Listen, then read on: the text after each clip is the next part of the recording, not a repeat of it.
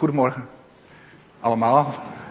De groeten uit uh, het westen van het land. We zitten hier ook een beetje in het westen, maar noordwesten. Of niet? Ja, toch? Nou, noord, noordoost. Oké. Okay. De groeten uit Alkmaar. Fijn om hier weer te, uh, terug te zijn. Uh, om u weer te zien. Hoe gaat het met u? Goed, goed hè, gelukkig. Ja, met mij ook. Ja. Um, ik ben op vakantie geweest, misschien de meeste van u. Lekker op vakantie geweest, goede vakantie gehad. Het is allemaal weer voorbij, beetje zo'n beetje, hè? we beginnen weer. Ik hoorde dat u vorige week de, de start van het nieuwe seizoen hebt gevierd. Met een nieuw thema, prachtige schilderijen. Zet je voet op het water. Mooi. Ik ben zelf ook op vakantie geweest. Ik ben in de, in de buurt van Venetië, heb ik mogen zijn. En ik ben ook naar Venetië toe geweest. Iemand daar wel eens geweest, Venetië? Ja. Wat een water, hè? ja, het is, een, het is een prachtige stad. Ik heb mij verwonderd over al die mooie gebouwen en zo. Dat is, het is natuurlijk een wonder. Het is sowieso, mensen zijn een beetje gek, hè? Die, die, die hebben daar, uh, zijn in het water gaan bouwen. Dat hebben ze ooit gedaan omdat ze, omdat ze steeds werden aangevallen.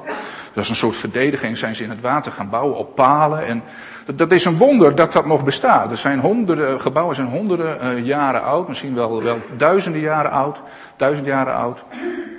En dan kun je je erg verwonderen om wat een mens allemaal kan.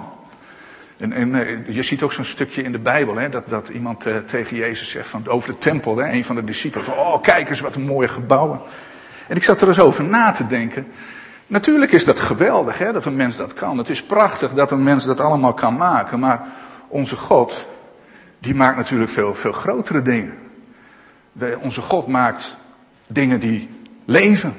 Bomen, uh, dieren, de mooie sterrenhemel, die leeft dan niet, maar goed, dat is wel wat God gemaakt heeft, de aarde. En mensen. En hij bouwt een nieuw Jeruzalem. Die zien wij nog niet, maar die zullen we in de toekomst wel zien. Maar dan wil ik graag, en dat is natuurlijk veel groter dan wat, wat een mens allemaal kan maken. En soms, en dat is zo bijzonder, soms hebben we daar wat weinig oog voor. Nou, ik wilde graag vanmorgen, omdat we allemaal, ja, meestal als je op vakantie bent, ook geniet van de mooie natuur, wil ik eens met u samen stilstaan bij de grootheid van God. En dan met name hoe hij zich manifesteert in de natuur. Dat, dat is een mooi onderwerp. En waarom doe ik dat? Ik wil even eerst met u Romeinen 1 vers 18 uh, bekijken. Tot en met uh, 21. Ik heb mijn, trouwens mijn oude statenvertaling weer een keer erbij. Vindt u dat erg? Dus, dat is, ik, ik, was er weer aan in het lezen en ik dacht, oh, ik vind het toch wel mooi. En het is helemaal niet moeilijk te, te begrijpen, vind ik zelf. Maar soms staan de dingen daar, uh, daar op een manier in en denk ik, ja, dat heeft diepgang. Romeinen 1, vers 18. Uh, het begint niet zo mooi dat vers. De toorn van God wordt geopenbaard van de hemel over alle goddeloosheid en ongerechtigheid van mensen. Als die de waarheid en ongerechtigheid ten onder houden. Nou, wat staat er eigenlijk? De mensen die, die kennen de waarheid wel, maar die houden ze een beetje onder de, uh, ja, onder de deken, zeg maar. Overmits hetgeen van God kennelijk is, in hen openbaar is, want God heeft het hun geopenbaard. Dus wat zegt hij daar eigenlijk? Van ja, de mensen uh, die kunnen veel dingen van God wel weten. Want God heeft het hen geopenbaard. En openbaren betekent dat je iets laat zien. Dat je iets onthult. Het gordijn gaat ervoor weg en je kunt het zien.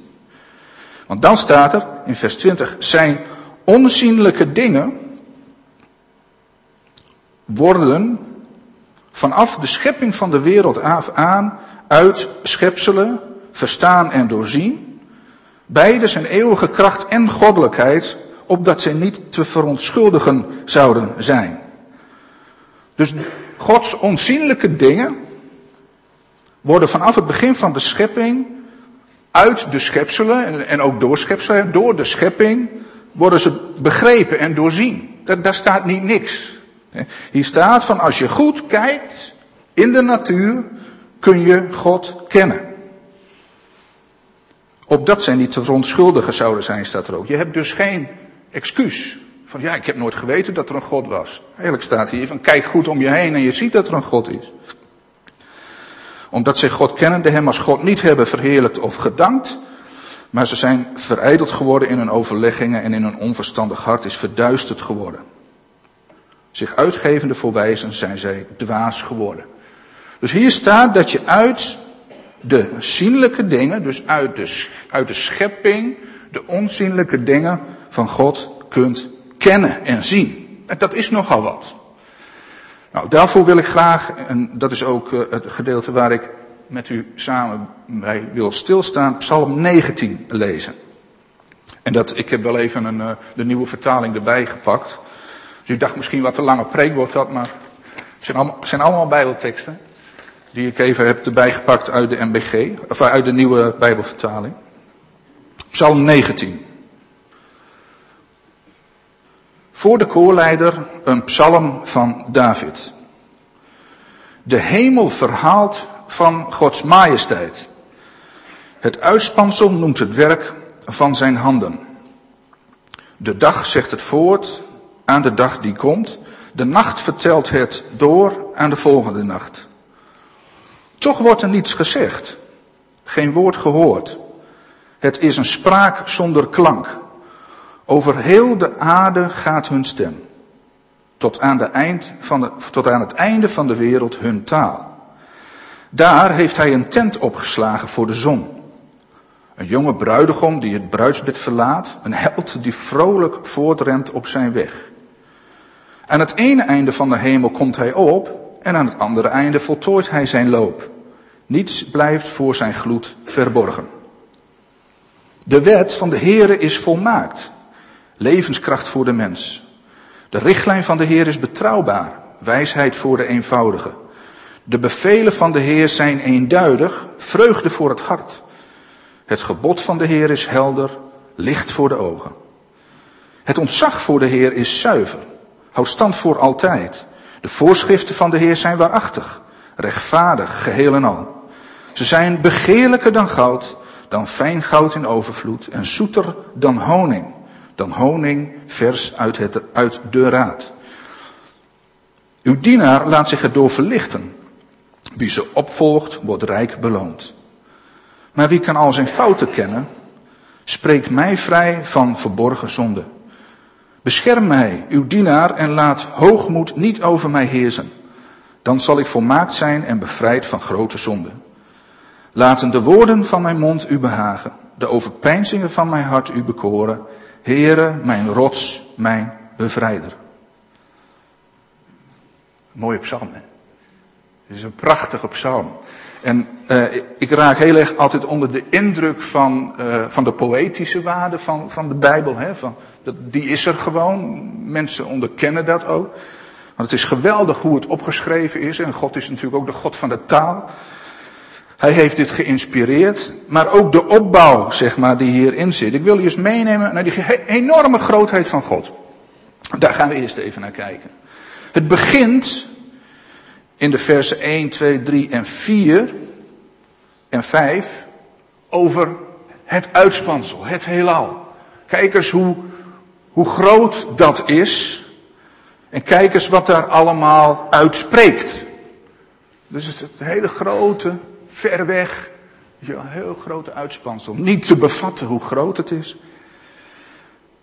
Als je dan verder leest, komt het al iets dichterbij. Dan gaat het over de zon. Nou, oké, die, die zien wij, hè, die, die zien wij gaan. Die zijn pad gaat. En dan komt het nog dichterbij. Want dan gaat de psalmist in vers 8 vertellen over de wet van de Heer, het woord van de Heer. Dus eerst zegt hij van kijk eens, hoe het heelal, het uitspansel staat hier, hè, en de hemelen, hoe die vertellen over God. En vervolgens, vers 8, dan komt het al een stuk dichterbij. Dan gaat het over de wet, de Torah. De, niet de wet, de regeltjes, dat betekent het niet. De onderwijzing is dat, de wet, de Torah. De onderwijzing van de Heer is volmaakt. Zijn woorden zijn volmaakt. Dus dan gaat het niet meer over de woorden die spreken tot ons vanuit de schepping, maar gaat het om de woorden die spreken vanuit de Bijbel. Dat is al een stuk dichterbij. Daar gaat het dan een tijdje over. En als wij dan weer verder lezen, komen we uiteindelijk terecht bij de mens. Komen we uiteindelijk terecht bij de mens. Vers 12. uw dienaar. Het gaat over het woord van God. Uw dienaar, in dit geval is dat David, hij die zegt dan, die laat zich daardoor verlichten door dat woord. Door de onderwijzing van God. Wie ze opvolgt wordt rijk beloond. Dus dan gaat het opeens over ons. En waar waren we begonnen? We waren begonnen bij dat hele grote uitspansel. En zo langzamerhand komt de psalmist met zijn woorden steeds dichter bij ons. Totdat uiteindelijk, als het gaat over de woorden van God, het ons hart raakt. Vers 15. Laten de woorden van mijn mond u behagen en overpeinzingen van mijn hart u bekoren. Heer, mijn rots, mijn bevrijder. Nou, is dat niet mooi? We beginnen zo enorm groot. Oh God, wat bent u groot. U spreekt uit de hele schepping. En het eindigt bij de woorden en de overdenkingen die ik in mijn hart heb. Ik, eh, ik ben altijd onder de indruk als je ontdekt hoe dit soort zaken in elkaar zitten, waar ze van spreken.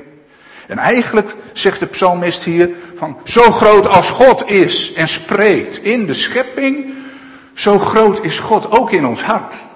Staan we daar wel eens bij stil? God, God is in ons hart komen wonen met uh, een kwart van zijn volheid. Nee, met heel zijn volheid. Net zoals de volheid van God in Jezus woonde en woont, zo woont hij met heel zijn volheid in, in ons. Het is niet een, een stukje God. Zo bedoel ik het. Het is Gods geest. Volledig. Nou, ik wil u graag even meenemen naar de grootheid van God zoals hij zich in de natuur uit. Ik ga even de, niet, niet alle versen helemaal bij langs hoor, maar ik wil toch een aantal dingen even aanstippen. Want in het eerste vers staat, de hemel verhaalt van Gods majesteit. Het uitspansel roemt het werk van zijn handen. Nou, als je gaat kijken hoe die woorden uh, in, de, in de grondtekst worden gebruikt, dan staat hier eigenlijk van de hemel is aan het vertellen. De hemel is aan het vertellen. De hemel verklaart zelfs, staat er in de grondtekst. De eer en de glorie van God. Nou, wat, en, en het uitspansel, dat verkondigt, zo staat er in de Staatvertaling. Het uitspansel, als, als je dat kun je ook vertalen, maar het legt uit. Nou, wat is nou het uitspansel? Nou, dan kun je denken dat is de sterrenhemel. Hè? Dus een sterrenhemel die legt uit. Wat legt hij uit? Uh, het uitspansel, het werk van Gods hand. Maar we hebben niet zoveel de gelegenheid gehad deze zomer om lekker op onze rug te gaan liggen en eens naar de sterrenhemel te kijken. Jammer hè? Beetje, beetje, beetje jammer van weer en zo, maar goed. Als je dat doet, dan zie je allemaal lichtende sterretjes. Allemaal lichtende sterretjes. En weet je wat de Bijbel nou zegt? Die zegt van jullie, christenen, gemeente van Jezus, jullie moeten ook zijn als lichtende sterren. Als sterren. Die schijnen in een duistere wereld. Filippenzen 2, vers 15. Zullen we daar eens even naar kijken?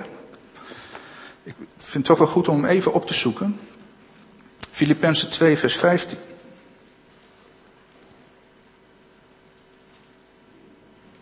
Vers 14 is ook altijd heel erg mooi hoor. Doet alle dingen zonder murmureren en tegenspreken, opdat gij moogt onberispelijk en oprecht zijn, kinderen van God, onstraffelijk in het midden van een krom en verdraaid geslacht, onder welke gij schijnt als lichten in de wereld. Ik geloof dat in de MBG staat dat je schijnt als lichtende sterren. En wat moet je dan doen als lichtende sterren? het werk van Gods handen verkondigen. Want dat staat in Psalm 19. Het werk van Gods hand verkondigen. Dus zo zie je eigenlijk dat, dat, dat het niet, niet voor niets is dat God de hemel zo gemaakt heeft zoals die is. Het vertelt iets over zijn werk. Het vertelt iets over zijn grootheid. Dan gaat de psalmist verder en spreekt hij over de dag. Daar staat in de Statenvertaling de dag aan de dag stort overvloediglijk spraak uit. Wat staat er eigenlijk van, als het dag is, en je kijkt dus goed om je heen, dan wordt er constant overvloedig wordt er gesproken. De dag aan de dag stort overvloediglijk spraak uit en de nacht aan de nacht toont wetenschap. Dan heb je weer over de sterrenhemel. Maar ook in de dag spreekt de schepping tot ons. En wij zijn helemaal niet meer zo gewend om zo naar de schepping te kijken. Terwijl de Bijbel, Gods woord zelf vol is van voorbeelden daarover. Daar ga ik straks nog even iets eh, over vertellen. We gaan snel verder. De dag, uh, even kijken hoor. Er, zijn, er is geen spraak en er zijn geen woorden waar hun stem niet wordt gehoord. Zie je wat hier staat? Dat is hetzelfde als wat in Romeinen staat. Waar je ook bent, het maakt niet uit. Waar je ook maar bent, als je om je heen kijkt en je denkt na, dan zie je Gods werk, dan zie je zijn grootheid. En dan hoor je als het ware de schepping spreken. Hun richtsnoer gaat uit over de hele aarde en hun redenen tot aan het einde van de wereld. Dat is wat God in de schepping heeft gelegd. God onderwijst ons als wij goed kijken om ons heen. En uiteraard, het begint altijd bij het woord van God. Daarom vind ik ook zo mooi dat de wet van de Heer, de onderwijzing van de Heer ook in deze psalm centraal staat in vers 8. De onderwijzing van de Heer is volmaakt. Want het bekeert de ziel. De getuigenis van de Heer is gewis. Geeft aan slechte mensen wijsheid. Geweldig hoe de schepping in elkaar zit. Ik wil daar eens even met u een paar dingen gaan bekijken. God onderwijst ons ook vanuit zijn schepping. Gaan we even een quiz doen. Vindt u het leuk, quiz? Nee, vindt niemand leuk? Nee. Ja, jammer. nee hoor, ik ga gewoon even, even, even mee, meedoen. Ik vind het leuk als u meedoet, even meedenkt. Hè. Uh, je, je loopt door de natuur en je ziet water. Als water tot ons spreekt over, over God, wat zegt water ons dan?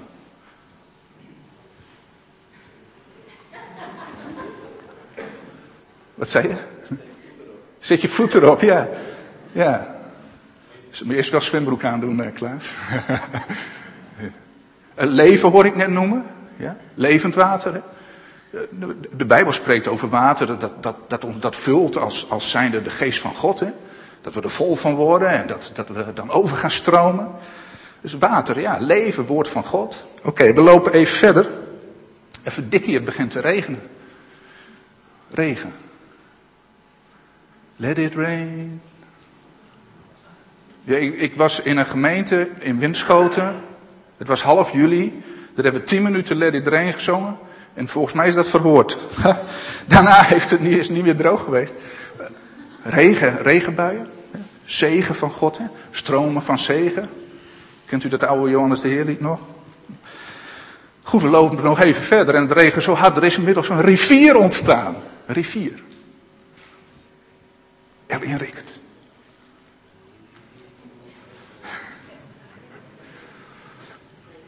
Rivier, hè, natuurlijk, dat is water, levend water, maar het is stromend water, dus het loopt van de berg af, hè, Godsberg, naar de wereld, in het dal. Hè, in het dal van diepe duisternis. Dus Gods woord, Gods zegen, zijn geest. Goed, we lopen nog weer wat verder en dan is het inmiddels droog geworden. En dan komen we op een plek waar het tijden niet heeft geregend. Het is dor en droog. Wat, wat zegt dat? Wat vertelt ons dat? Ja, als er geen, geen water is, als er geen leven is, als, als er geen Gods geest er niet is, als Gods woord er niet is, dan gaan dingen dood. De woestijnen is zo'n plek. Um,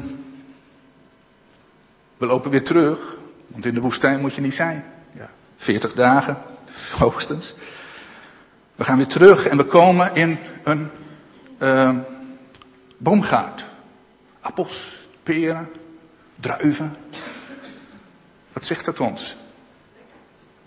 ja, heerlijk. Denk eens aan wat de Bijbel zegt over vruchten bijvoorbeeld. U mag best hard roepen hoor, dan hoor ik het ook. Boom geplant aan waterstromen, ja, die kun je hebben. Dat is, dat is uh, in Psalm 1, hè? ja. De man die niet wandelt in de raad der goddelozen, maar in Gods woord, uh, ja, een boom geplant aan waterstromen, die zijn vrucht geeft op zijn tijd. Ja, dat gaat over dat wat uit je voortkomt, hè, de vrucht. De Heer Jezus gebruikt dat ook als voorbeeld. Hè? Dan heeft hij het over druiven. Dan zegt hij van jullie, er is een wijnstok en de vader is de landman. En, en die druiven die moeten gesnoeid worden en dat is niet fijn.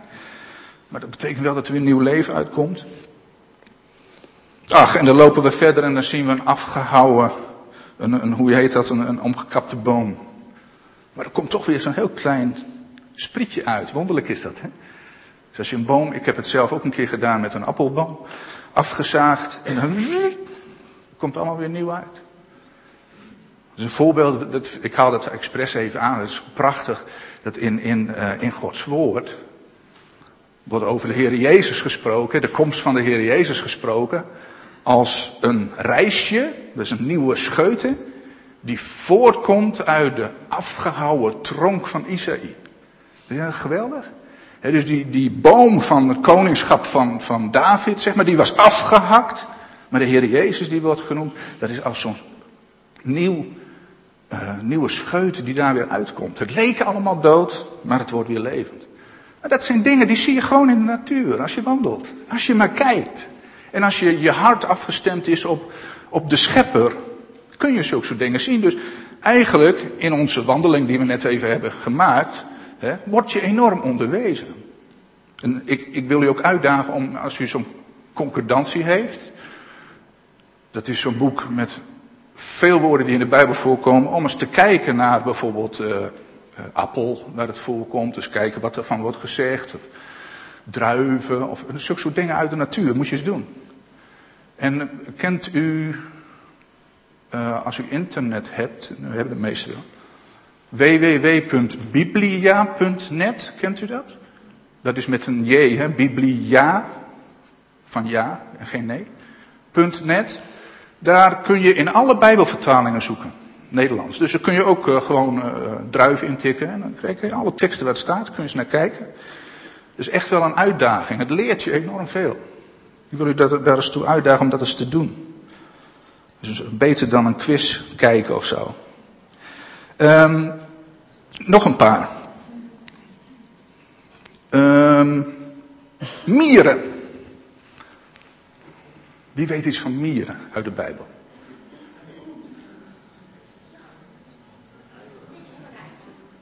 Hm?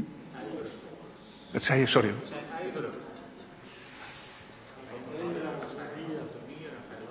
Ja. Ga naar de mieren, ga lui uit en dan schout zijn werken en word wijs. Ja. Mieren, als, ik ben gek op mierenhopen. Je moet er niet dichtbij komen, maar ik ben, ik ben er gek op. Als je daarnaar kijkt, het is onvoorstelbaar. De beesten weten precies waar ze moeten lopen. Het lijkt één grote chaos, maar het is me daar een georganiseerde toestand. En dan denk je van, nou, de mieren kunnen het wel, daar kunnen wij mensen nog wat van leren. Nou, dat staat precies ook in de Bijbel. Mieren. Zulke dingen. Uh, bloem, een bloem.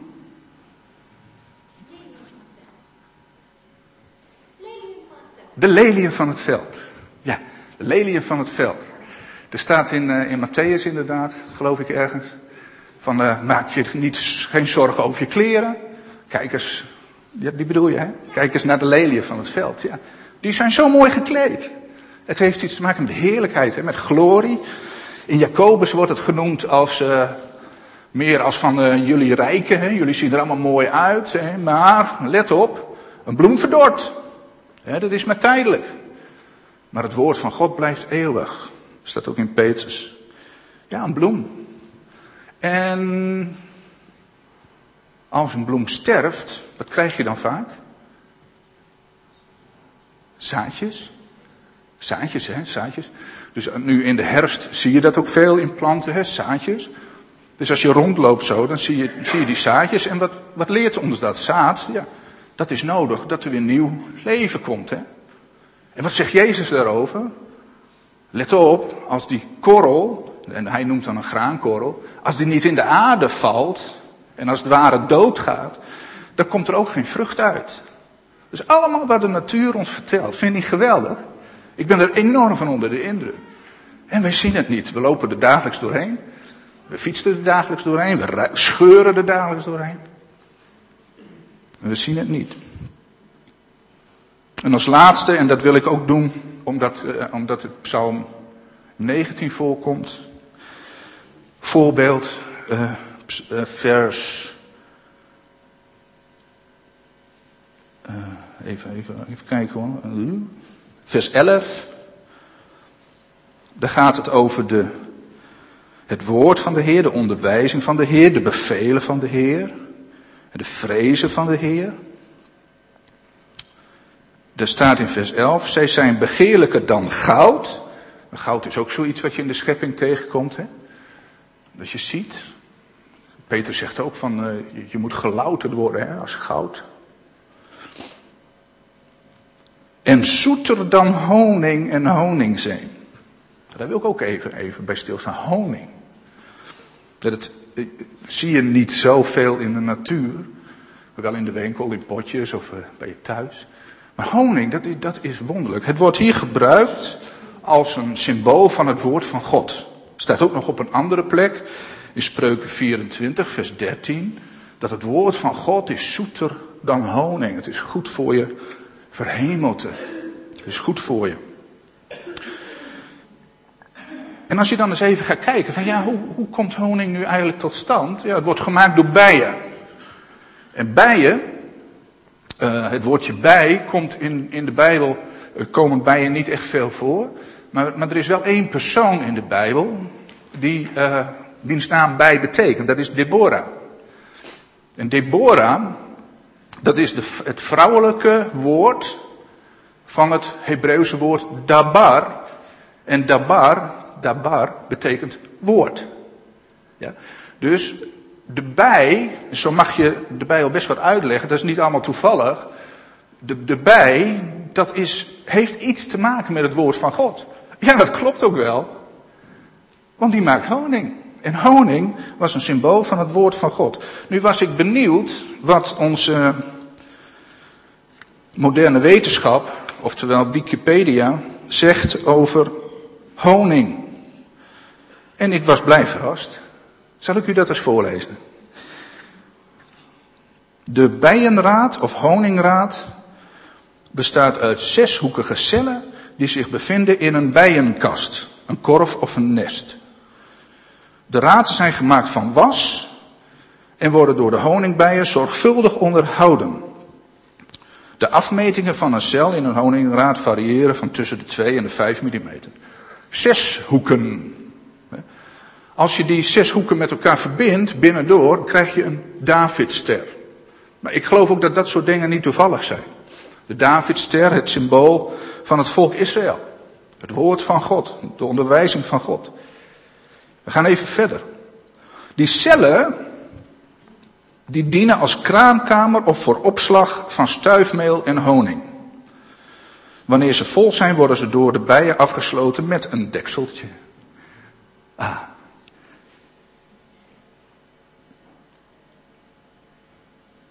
Ik, ik zit, zit, er even over na te denken.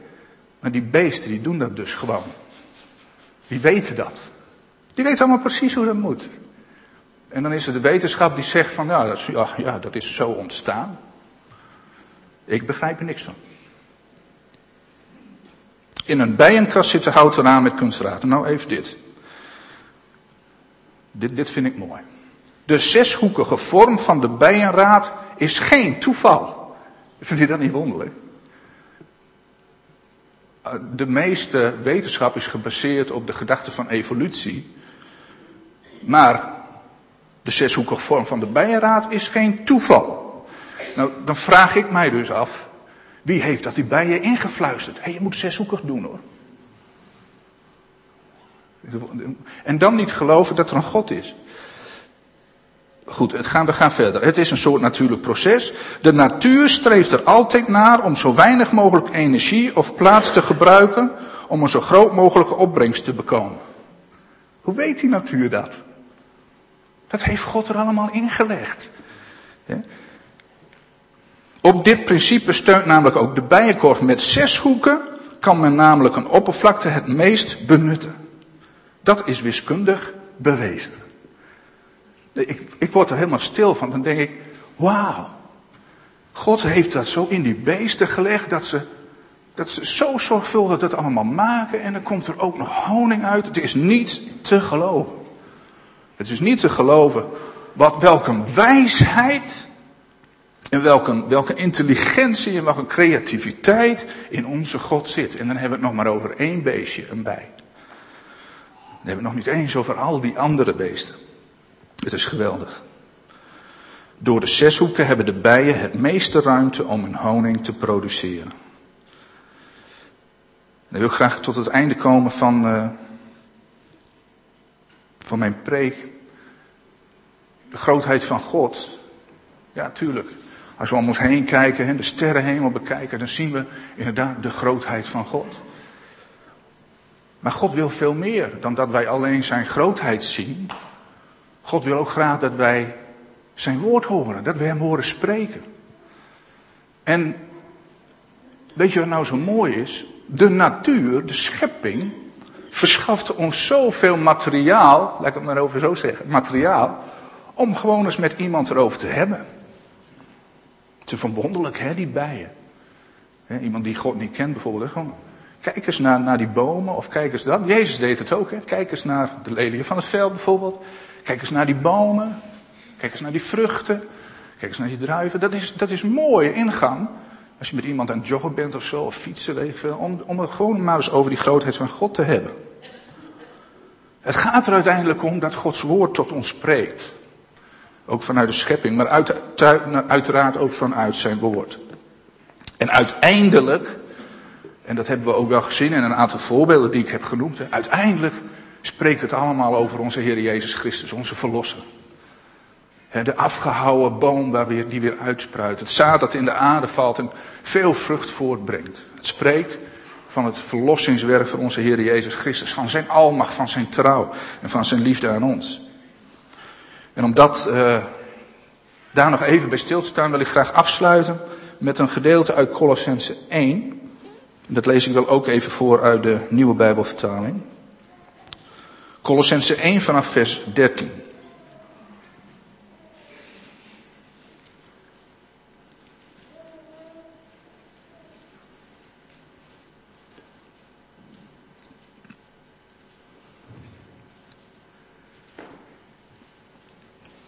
Daar gaat het over Jezus Christus. Er staat, Hij heeft ons gered uit de macht van de duisternis en ons overgebracht naar het rijk van Zijn geliefde Zoon. Die ons de verlossing heeft gebracht, de vergeving van onze zonden. Beeld van God, de onzichtbare is Hij. Eerstgeborene van heel de schepping. In Hem is alles geschapen alles in de hemel en alles op aarde, het zichtbare en het onzichtbare. Vorsten en heersers, machten en krachten, alles is door hem en voor hem geschapen. Hij bestaat voor alles en alles bestaat in hem. Hij is het hoofd van het lichaam, de kerk. Oorsprong is hij, eerstgeborene van de doden, om in alles de eerste te zijn. In hem heeft heel de volheid willen wonen en door hem en voor hem alles met zich willen verzoenen, alles op aarde en alles in de hemel, door vrede te brengen met zijn bloed aan het kruis. Wel, hier staat, lieve mensen, als we kijken naar de schepping, staat dat alles is in Christus geschapen. En alles bestaat door Hem. Dat betekent eigenlijk dat, dat, uh, dat, dat er uh, zonder Jezus Christus niets zou zijn. Hij is de eerstgeborene van de schepping. Alles bestaat door Hem. En als we dan toch even een, iets grappigs willen bedenken over de voet op het water zetten. Waarom kon Jezus op water lopen? Omdat hij de Almachtige was of dat hij wonderen kan doen. Nee, ik heb een keer iemand horen zeggen, ik heb het niet zelf gedacht, vond ik prachtig. Ze van ja, de schepping hoeft Jezus niet te dragen, maar hij draagt de schepping. Dus hij kan op het water lopen. Dat vond ik zo'n mooie gedachte. Maar zo is het ook. Hij draagt de hele schepping. Zo machtig is hij. En diezelfde Jezus die woont in ons hart. Hij is het hoofd van het lichaam. De kerk, hij is de oorsprong, de eerstgeborene van de doden. En om nog één voorbeeld uit de natuur dan te, aan te halen, wat hier ook wordt genoemd. Hij is het hoofd van het lichaam, hij is de eerstgeborene. Maar er zijn natuurlijk vele broeders en zusters nagekomen, hè, eh, die wedergeboren zijn. Wedergeboren mensen zijn zijn broer en zussen. En dat is de kerk. En de kerk is het lichaam. Dus wat wordt het eerst geboren, als het goed is, hè? als een baby wordt geboren, dan komt er eerst het hoofdje. Eerst Christus, eerst het hoofd. En vervolgens komt het lichaam. Is dat niet prachtig? En zo laat God zien wie hij is. Maar boven alles mogen we weten dat als we stilstaan, als we onder de indruk zijn van de grootheid van Gods schepping, mogen we weten, dan zijn we eigenlijk onder de indruk van wie Jezus is. Wat Hij voor ons gedaan heeft. Hoe Hij ons leven geeft. Hoe Hij het levende water is en hoe hij ons snoeit, maar ons ook vrucht laat voortbrengen. Nou, laten we daar, als we onze vakantiekiekjes gaan kijken, nog eens goed bij nadenken. Amen. Zullen we samen bidden?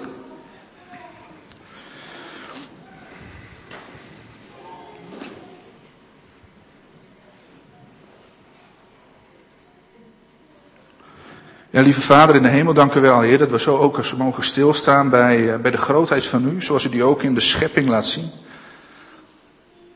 Het is indrukwekkend, Heer, hoe, uh, hoe u dieren hebt gemaakt.